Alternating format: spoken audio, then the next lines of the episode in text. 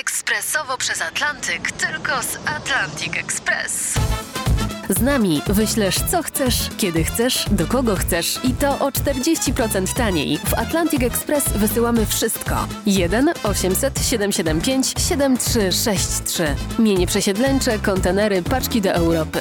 Atlantic Express o 40% niższe ceny na wysyłki kontenerów, samochodów i paczek. Ekspresowo przez Atlantyk, tylko z Atlantic Express.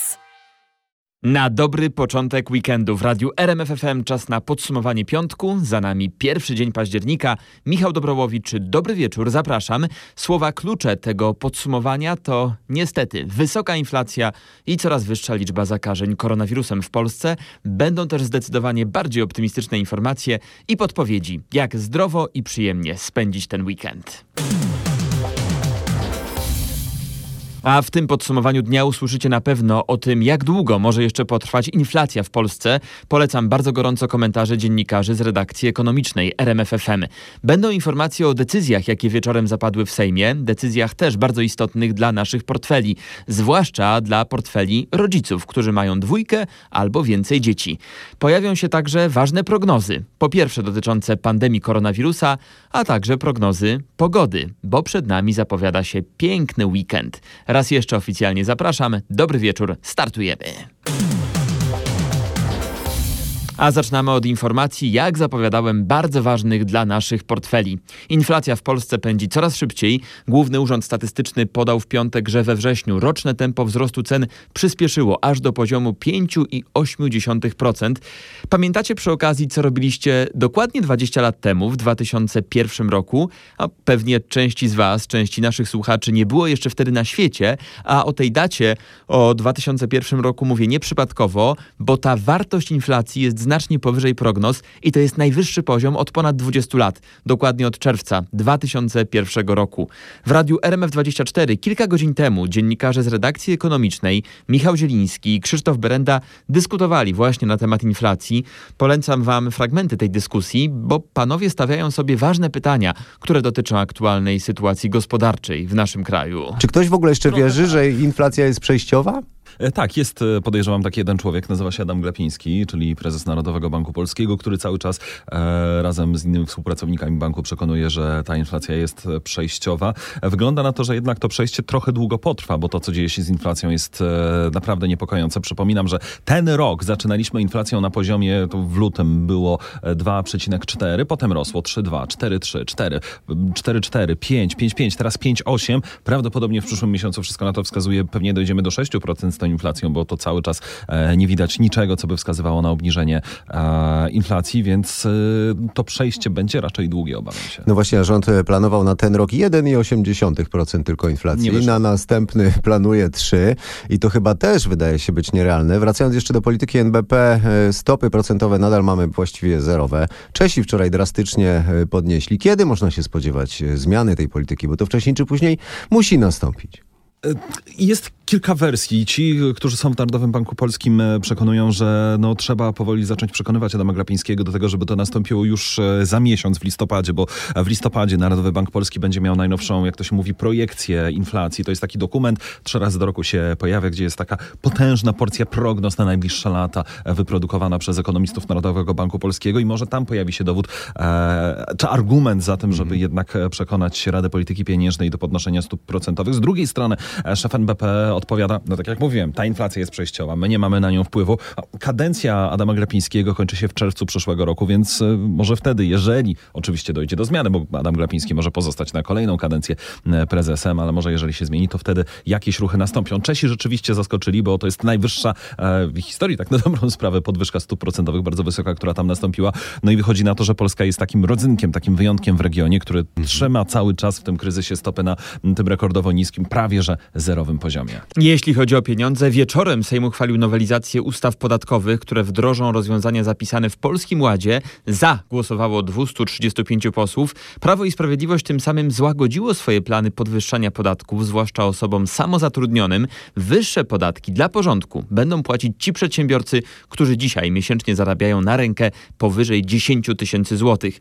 Jeżeli natomiast chodzi o osoby pracujące na etacie, to stracą te osoby, które dzisiaj zarobkami netto przekraczają dostają 7 tysięcy złotych. Do tego każda emerytura do 2,5 tysiąca złotych będzie zwolniona z podatku. O szczegółach tych zmian podatkowych w Polsce piszemy bardzo dokładnie na radiowych stronach. Polecam niezmiennie adres rmf24.pl. Także wieczorem prezydent Andrzej Duda podpisał rozporządzenie o przedłużeniu stanu wyjątkowego o 60 dni w części województw podlaskiego i lubelskiego w miejscowościach przy granicy z Białorusią. To rozporządzenie weszło w życie tuż po opublikowaniu w Dzienniku Ustaw. A to jest podsumowanie dnia, piątku 1 października. W nim omówimy teraz aktualną sytuację epidemiczną w Polsce. Ostatniej doby w naszym kraju potwierdzono 1362 nowe zakażenia COVID-19. To ponad 2 trzecie więcej, dokładnie dokładnie o 67% więcej niż tydzień temu. Rozmawiałem na temat tych danych z szefem Rządowej Rady Medycznej, profesorem Andrzejem Horbanem. Według specjalistów pandemia rozpędza się z każdym dniem, a to może przełożyć się na nowe obostrzenia. Na razie ten najbardziej aktualny scenariusz, który bierze pod uwagę rząd, zakłada, że restrykcje będą pojawiać się lokalnie w wybranych powiatach i dlatego profesora Andrzeja Horbana dopytywałem o szczegóły. Jeśli obostrzenia w powiatach, to jakie w pierwszej kolejności? Czego mieszkańcy mogą się spodziewać? Przede wszystkim nie będą chodzili do restauracji, jeżeli nie są zaszczepieni na pewno. Sprawdzanie paszportów covidowych przy wejściu? To od tego trzeba zacząć. Czyli taki model francuski jest u nas realny? Model francuski jest realny. To byłoby w pierwszej kolejności wprowadzone? Tak, tak, tak dlatego że no, ludzie, którzy są zaszczepieni i są zdrowi, właściwie nie powinni podlegać tego typu ograniczeniom. Powinny podlegać ograniczeniom ci, którzy no, nie chcą skorzystać z dobrodziejstwa szczepień. Kiedy to może się pojawić realnie na dzisiaj, według dzisiejszych prognoz? Gdzieś mniej więcej koło szczytu epidemii, aczkolwiek lokalnie może być. Na razie jeszcze nie ma takiej potrzeby. Ale za miesiąc to jest realny scenariusz? Za miesiąc, może za sześć tygodni, tak. Czy my jeszcze coś możemy zrobić, żeby zmniejszyć prawdopodobieństwo takiego scenariusza? Tak, oczywiście, jak zawsze. Zaszczepić się. A ci, którzy już są zaszczepieni? Ci, którzy już się zaszczepieni, niech nadal jednak noszą maski w przypadkach, kiedy nie mogą zachować dystansu tego półtora metra. Pomimo wszystko do transmisji dochodzi. Czy możemy spodziewać się, że dalej te wzrosty tydzień do tygodnia będą tak wysokie jak teraz, nawet tych kilkadziesiąt procent? O, będą nawet większe, dlatego że ta epidemia się powolutku rozkręca, gdyż ona zależy również od liczby ośrodków zakażeń, czyli liczby osób chorych, przekładając na język E, potoczny. Jeżeli im więcej osób będzie chorych, tym więcej osób będzie zakażonych, więc ta epidemia będzie przyspieszała. To jest dopiero początek przyspieszania. Jak będzie wobec tego wyglądał październik? Teraz czeka nas duży wzrost, może w połowie października? W połowie października, w drugiej połowie października na pewno będzie duży wzrost, w listopadzie będzie dużo, a potem już może, może w grudniu będziemy widzieli falę bardzo opadającą kilkanaście tysięcy zakażeń to jest realny scenariusz? Mam nadzieję, że nie. Mam nadzieję, że nie. Kilka tysięcy jest niestety bardzo realnym scenariuszem. Teraz w szpitalach w całej Polsce na oddziałach covidowych przebywa prawie 1700 pacjentów zakażonych koronawirusem. Niemal co dziesiąty spośród nich potrzebuje pomocy respiratora. Teraz w podsumowaniu dnia informacje z zagranicy. W przyszłym tygodniu, 6 października, do Polski przylecą eksperci Komisji Europejskiej, by prowadzić dalsze rozmowy w sprawie sytuacji na granicy polsko-białoruskiej. To efekt spotkania unijnej komisarz Ilwy Johansson z ministrem spraw wewnętrznych i administracji Mariuszem Kamińskim. Nasza korespondentka w Brukseli, Katarzyna Szymańska-Borginią, rozmawiała z unijną komisarz. Posłuchajmy, co jeszcze komisarz mówiła tuż po rozmowie z ministrem Kamińskim. Komisarz podniosła w rozmowie kwestię przepychania migrantów z powrotem za granicę Polski. Chodzi o tak zwany pushback. Zaproponowałam także, żeby wpuszczono media do strefy, gdzie jest stan wyjątkowy i mam nadzieję, że władze to rozważą. Komisarz chce również obecności Frontexu, a przynajmniej oficerów łącznikowych na polsko-białoruskiej granicy. Chodzi z jednej strony o rodzaj kontroli tego, co dzieje się w tej strefie, a z drugiej o pokazanie Łukaszence, że polska granica jest także granicą Unii. Z Brukseli Katarzyna Szmańska-Borginią bardzo dziękujemy, a to jest podsumowanie pierwszego dnia października 2021 roku. Zaostrza się kryzys w dziecięcym szpitalu uniwersyteckim w Krakowie Prokocimiu. Po tym jak z wnioskami o zwolnienie wystąpiło kilkudziesięciu lekarzy specjalistów, do dymisji podał się właśnie dyrektor szpitala, a informuje o tym nasz reporter Marek Wiosło. Dyrektor Krzysztof Federek podał się do dymisji po nieudanych rozmowach z władzami uniwersytetu odnośnie finansowania placówki. Już wczoraj kilkudziesięciu lekarzy specjalistów złożyło przedłożyło wypowiedzenia z pracy, apelując o zwiększenie nakładów na służbę zdrowia. Podobnie dyrektor placówki w przesłanym oświadczeniu podkreśla, że pomimo wielokrotnych apeli o zwiększenie finansowania szpitala nie udało się doprowadzić do żadnych zmian. Paraliż może nastąpić w listopadzie, to wtedy z pracy odejść miałoby 25% wszystkich pracujących tam lekarzy specjalistów. To niestety nie jedyne problemy w systemie ochrony zdrowia. Te wynikają także m.in. z protestu ratowników medycznych. Ponad połowa karetek nie wyjechała w piątek do pracy w Gdańsku. Między innymi ratownicy medyczni przystąpili do protestu, który zgodnie z zapowiedziami może potrwać nawet do 10 października. Informacje na ten temat zebrał nasz trójmiejski reporter Kuba Kaługa. Skala protestu na pewno jest zauważalna, tylko w Gdańsku na 14 karetek nie ma obsady dla aż 8 i ich załogi nie wyjechały dziś do pracy. Ratownicy, jak usłyszałem od władz gdańskiego pogotowia, wzięli zwolnienia. W tym momencie, jak przekazała mi Mariola Kubiak, dyrektor stacji pogotowia ratunkowego w Gdańsku, opóźnienia w bieżącym rozdysponowaniu karetek sięgają od 5 do nawet 20 minut. W Sopocie na trzy karetki całodobowo obsadzić można tylko jedną, kolejną już tylko na 12 godzin. Według władz gdańskiej stacji, która koordynuje pracę pogotowia w znacznej części województwa, w innych miejscach problemów nie ma. Od rana o ten protest pytam także u wojewody pomorskiego. Odpowiedzi brak. Czekamy na oficjalne dane dotyczące całego regionu. A o tym, że sytuacja w ochronie zdrowia wymaga pilnych zmian, przypominają też cały czas protestujący w Białym Miasteczku przed kancelarią premiera w Alejach Ujazdowskich w Warszawie. W sobotę rozpocznie się już czwarty tydzień ich protestu. Do tego protestu nawiązywali też autorzy niepokojącego raportu, jeśli chodzi o wnioski, które zaprezentowała w piątek Okręgowa Izba Lekarska w Warszawie. Chodzi o kolejki do lekarzy. Ponad trzy miesiące trzeba czekać czekać średnio, by dostać się teraz na wizytę do lekarza specjalisty w Polsce. Na badania diagnostyczne trzeba czekać prawie dwa miesiące. W czasie pandemii najmocniej wydłużyły się kolejki do kardiologów, otolaryngologów i niestety do chirurgów dziecięcych. Poprawiła się nieco sytuacja w endokrynologii. Posłuchajmy komentarzy do tych wniosków. Co mogłoby rozwiązać problem? O tym rozmawialiśmy z prezesem Okręgowej Izby Lekarskiej w Warszawie, jednym ze współautorów raportu, doktorem Łukaszem Jankowskim. Ogromnym problemem jest brak kadr medycznych i brak lekarzy specjalistów. To problem, który narastał na przestrzeni lata. Dziś widzimy go y, bardzo, y, bardzo mocno, ale nie tylko brak kadr medycznych jest problemem. Problemem jest też brak samej koordynacji. Chory, który wychodzi od jednego specjalisty, trafia tak naprawdę w kolejkę, w kolejkę wielomiesięczną. Jeżeli chciałbym, żeby kolega skonsultował pacjenta, to ten pacjent trafi do mnie po tej konsultacji po wielu miesiącach. Czyli problemem jest koordynacja, wyznaczenie ścieżki pacjenta, wyznaczenie również strategii chyba wzmocnienie podstawowej opieki zdrowotnej, tak aby diagnostyka mogła odbywać się w dużej części w podstawowej opiece zdrowotnej, a nie w szpitalu. Odciążenie szpitali, co spowodowałoby pewnie optymalniejsze użycie zasobów, w tym również odciążenie pracy lekarzy. Trzeba wprowadzić asystentów medycznych, trzeba zmniejszyć biurokrację. Jeśli mamy dziś mało lekarzy, którzy nie dają rady obsłużyć tak dużej ilości pacjentów, to tym lekarzom w systemie trzeba jakoś pomóc i po prostu ich odciążyć, a nie widzimy ruchu rządzących w tym kierunku. Lekarze przypominają, że właśnie zwiększenie kadr medycznych to jeden z postulatów organizatorów Białego Miasteczka w Warszawie. Ich kolejne rozmowy z przedstawicielami rządu są zaplanowane na wtorek. Jeszcze na moment zostajemy przy tematach związanych właśnie ze zdrowiem.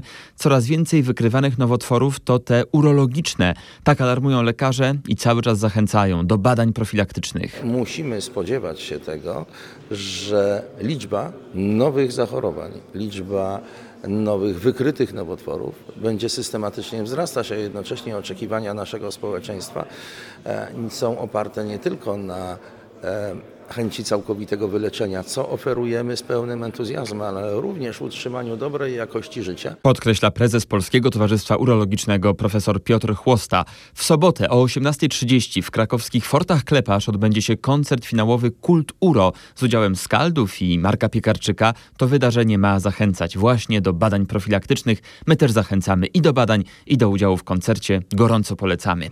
A w podsumowaniu dnia wracamy do decyzji, jakie wieczorem zapadły w Sejmie.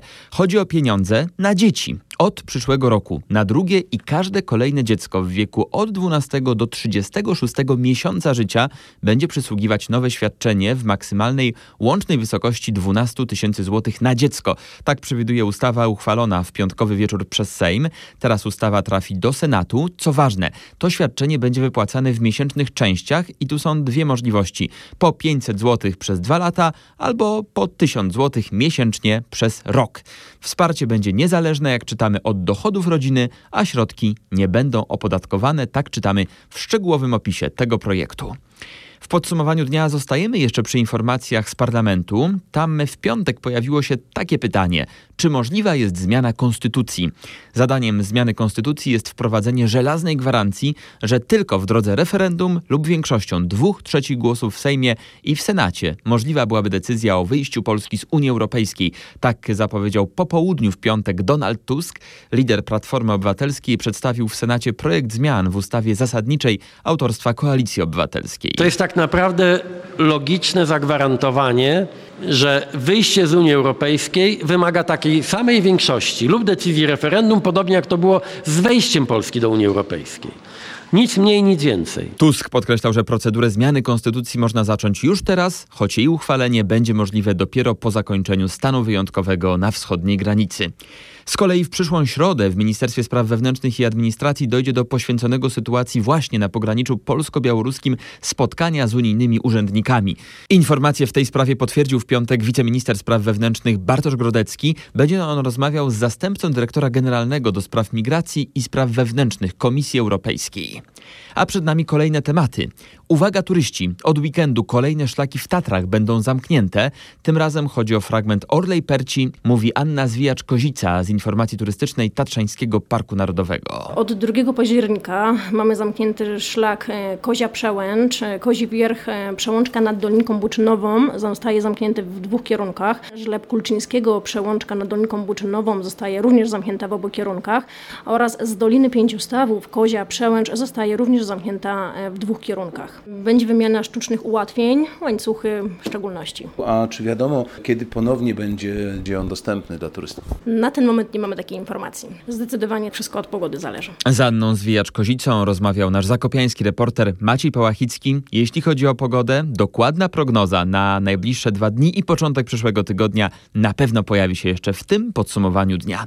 A teraz u nas czas na informacje z zagranicy. Policja w Chicago zwiększa liczbę patroli na autostradach. Powód to nie jak mogłoby się wydawać intuicyjnie wypadki drogowe czy zbyt brawurowa jazda kierowców. Powód jest zupełnie inny. Kierowcy coraz częściej na autostradach sięgają po broń. Informuje o tym korespondent RMFFM Paweł Żuchowski. E, witam. E, więcej radiowozów na autostradach, zwłaszcza w rejonie Chicago, pojawi się w godzinach wieczornych i nocnych. E, w tym roku doszło tam już do 185 strzelanin. W poprzednim roku zanotowano 128 takich zdarzeń. Kierowcy często w czasie awantury sięgają po broń. Wielokrotnie to też kwestia porachunków gangów. Chicago nie może poradzić sobie od lat z falą przestępczości. Miasto jest na szczycie listy FBI w niechlubnych rankingach. Paweł Żuchowski, bardzo dziękujemy. A skoro przez chwilę słuchaliśmy o Stanach Zjednoczonych, to może do głowy, tak domyślam się, przyszły Wam podróże, wycieczki, wyjazdy. Może takie wyjazdy, by wypocząć. Kilka godzin temu pojawił się bardzo ciekawy raport Polskiej Izby Turystyki o tym, jak spędziliśmy tegoroczne lato i tegoroczne wakacje.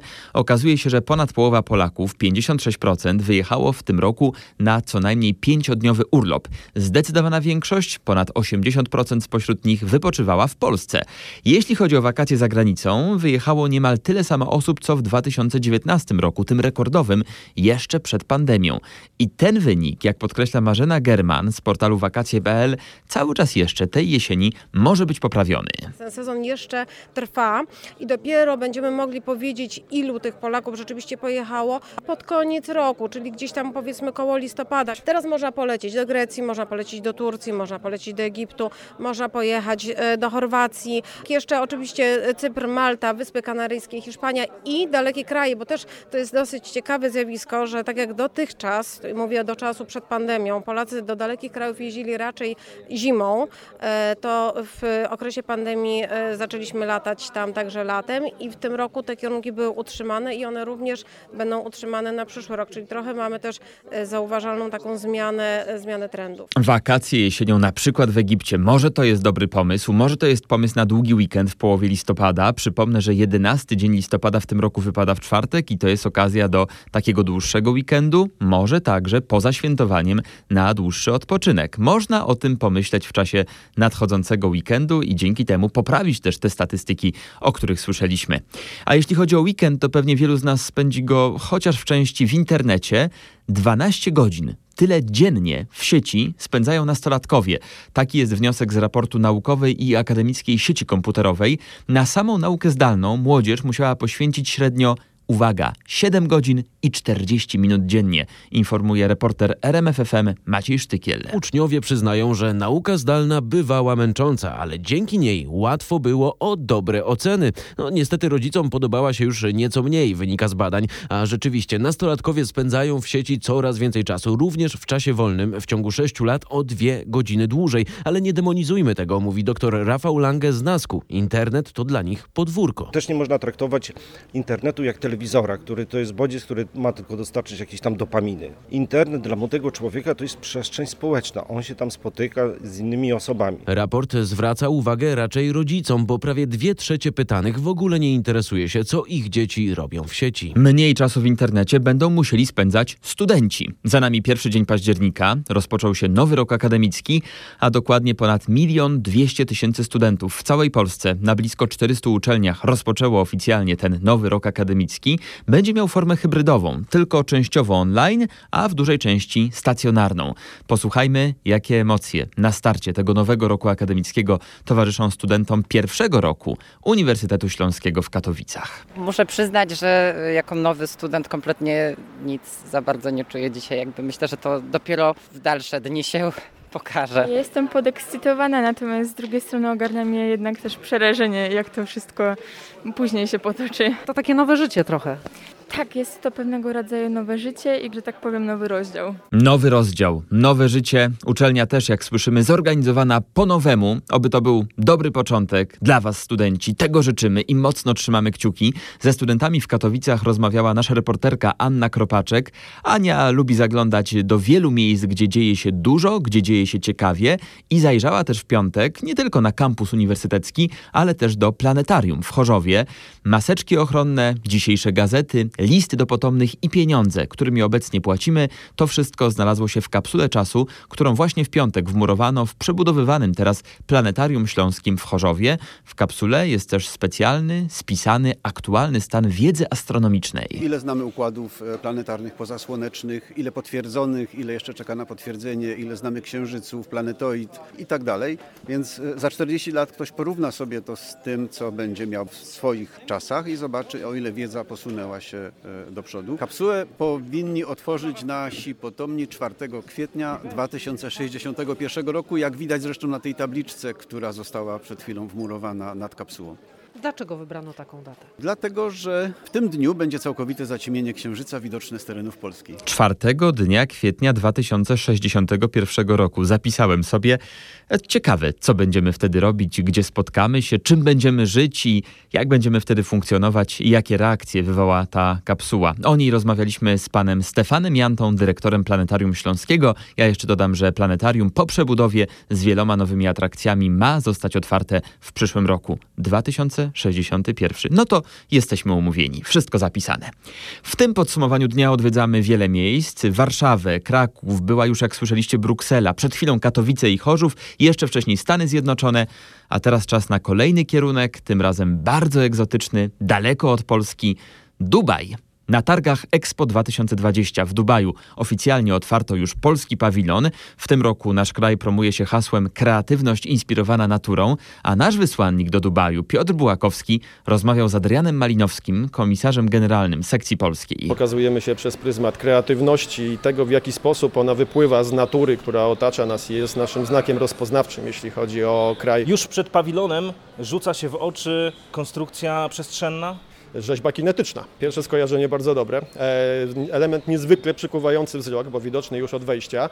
Rzeźba jest bezpośrednim nawiązaniem do tego, co łączy nas z krajem gospodarzy i z całym regionem. Przypomina właśnie stada migrujących ptaków, które co roku przelatują w dwie strony przez Półwysep Arabski w drodze do Afryki. Targi potrwają do końca marca przyszłego roku. Przypomnę, po raz pierwszy zorganizowane są w kraju arabskim, ale to nie jest tylko prezentacja oferty biznesowej poszczególnych krajów czy walorów naturalnych, to również kultura i smaki. W polskim pawilonie działa już restauracja o takiej bardzo ładnej, moim zdaniem, nazwie Ogród Smaków. Cały pobyt mamy podzielony na, na regiony Polski.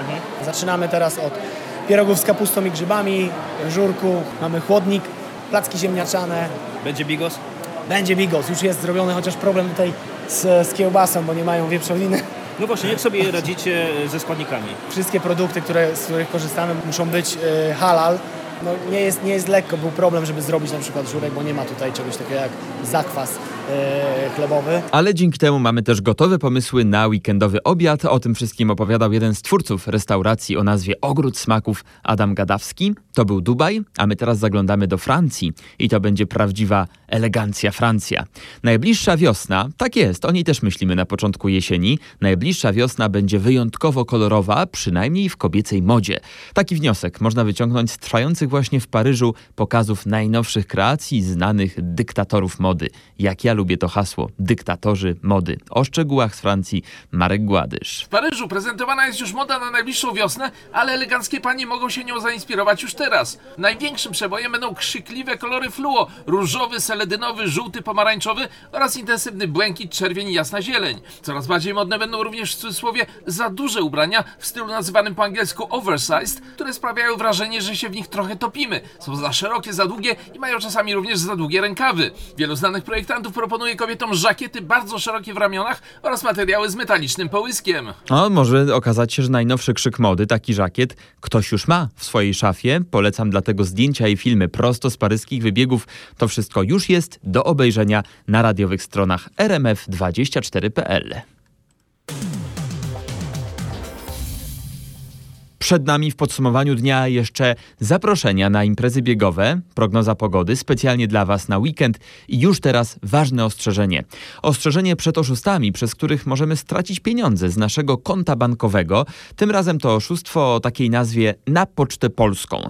Maciej Sztykiel, nasz reporter, ponownie w podsumowaniu dnia. Maciej sprawdzał szczegóły i opowie, co tym razem wykombinowali oszuści. Rozsyłają SMS-y i maile z dobrą dla nas informacją o rzekomym zwrocie podatku z PIT-37, czyli deklaracji, z której rozlicza się zdecydowana większość pracowników w kraju. W wiadomości od oszustów jest link, który prowadzi do fałszywej, ale dobrze wyglądającej strony internetowej Poczty Polskiej. W adresie tylko jedna literówka w słowie poczta, brakuje A. Dalej już podajemy dane do rzekomego zwrotu podatku. Pada prośba o zalogowanie się do bankowości internetowej i wtedy tracimy pieniądze, bo oszuści wykradają hasła do banku. O sprawie wie już CERT Polska i inne instytucje od cyberbezpieczeństwa oszustwa są na bieżąco blokowane. Maciej Sztykiel, bardzo dziękujemy i apelujemy o czujność. Jak najdalej warto uciekać od oszustów i jak najszybciej, najlepiej biegiem. Już w sobotę, a propos biegania, start największej na Śląsku imprezy biegowej, czyli Silesia Maratonu. W sobotnie przedpołudnie wystartują uczestnicy mini maratonu o Puchar Radia RMFFM. Trzymamy kciuki powodzenia, a bieg maratoński zaplanowano na niedzielę. Z Bogdanem Witwickim, szefem Silesia Maratonu, rozmawiał nasz reporter Marcin Buczek. Trasa niezmienna przez cztery miasta? Dokładnie tak, niedzielny bieg, trasa cztery miasta, Katowice, Mysłowice, Siemianowice Śląskie i Chorzów, Park Śląski, gdzie zaczynamy i kończymy. Oprócz maratonu w niedzielę rywalizować będą także uczestnicy półmaratonu i ultramaratonu. Także do niedzieli potrwa siódma edycja charytatywnego biegu Piątka na dobry początek. Jego celem jest zebranie pieniędzy na nowy sprzęt medyczny dla Dziecięcego Szpitala Uniwersyteckiego w Krakowie Prokocimiu. Ten bieg odbywa się akurat w formie zdalnej. Jest to bieg o Puchar Dziekanów Wydziału Farmaceutycznego, ale przede wszystkim pod patronatem projektora Collegium Medicum. Piątka na dobry początek, dlatego że biegniemy 5 kilometrów ale również dlatego ta piątka i życzymy, bieg jest skierowany do wszystkich, ale dominująco do społeczności akademickiej, studentów. No życzymy na początek tego roku akademickiego studentom, żeby same piątki w ich indeksach gościły. Podpisujemy się pod tymi życzeniami, życzeniami od dziekana Wydziału Farmaceutycznego Kolegium Medicum Uniwersytetu Jagiellońskiego Jacka Sapy.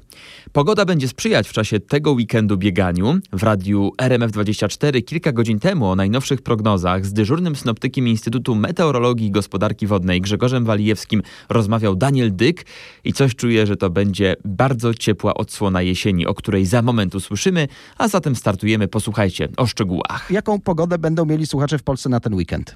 A to będzie tak naprawdę kolejny weekend, bo wcześniejszy był piękny i ten kolejny będzie też piękny, taki bardzo słoneczny.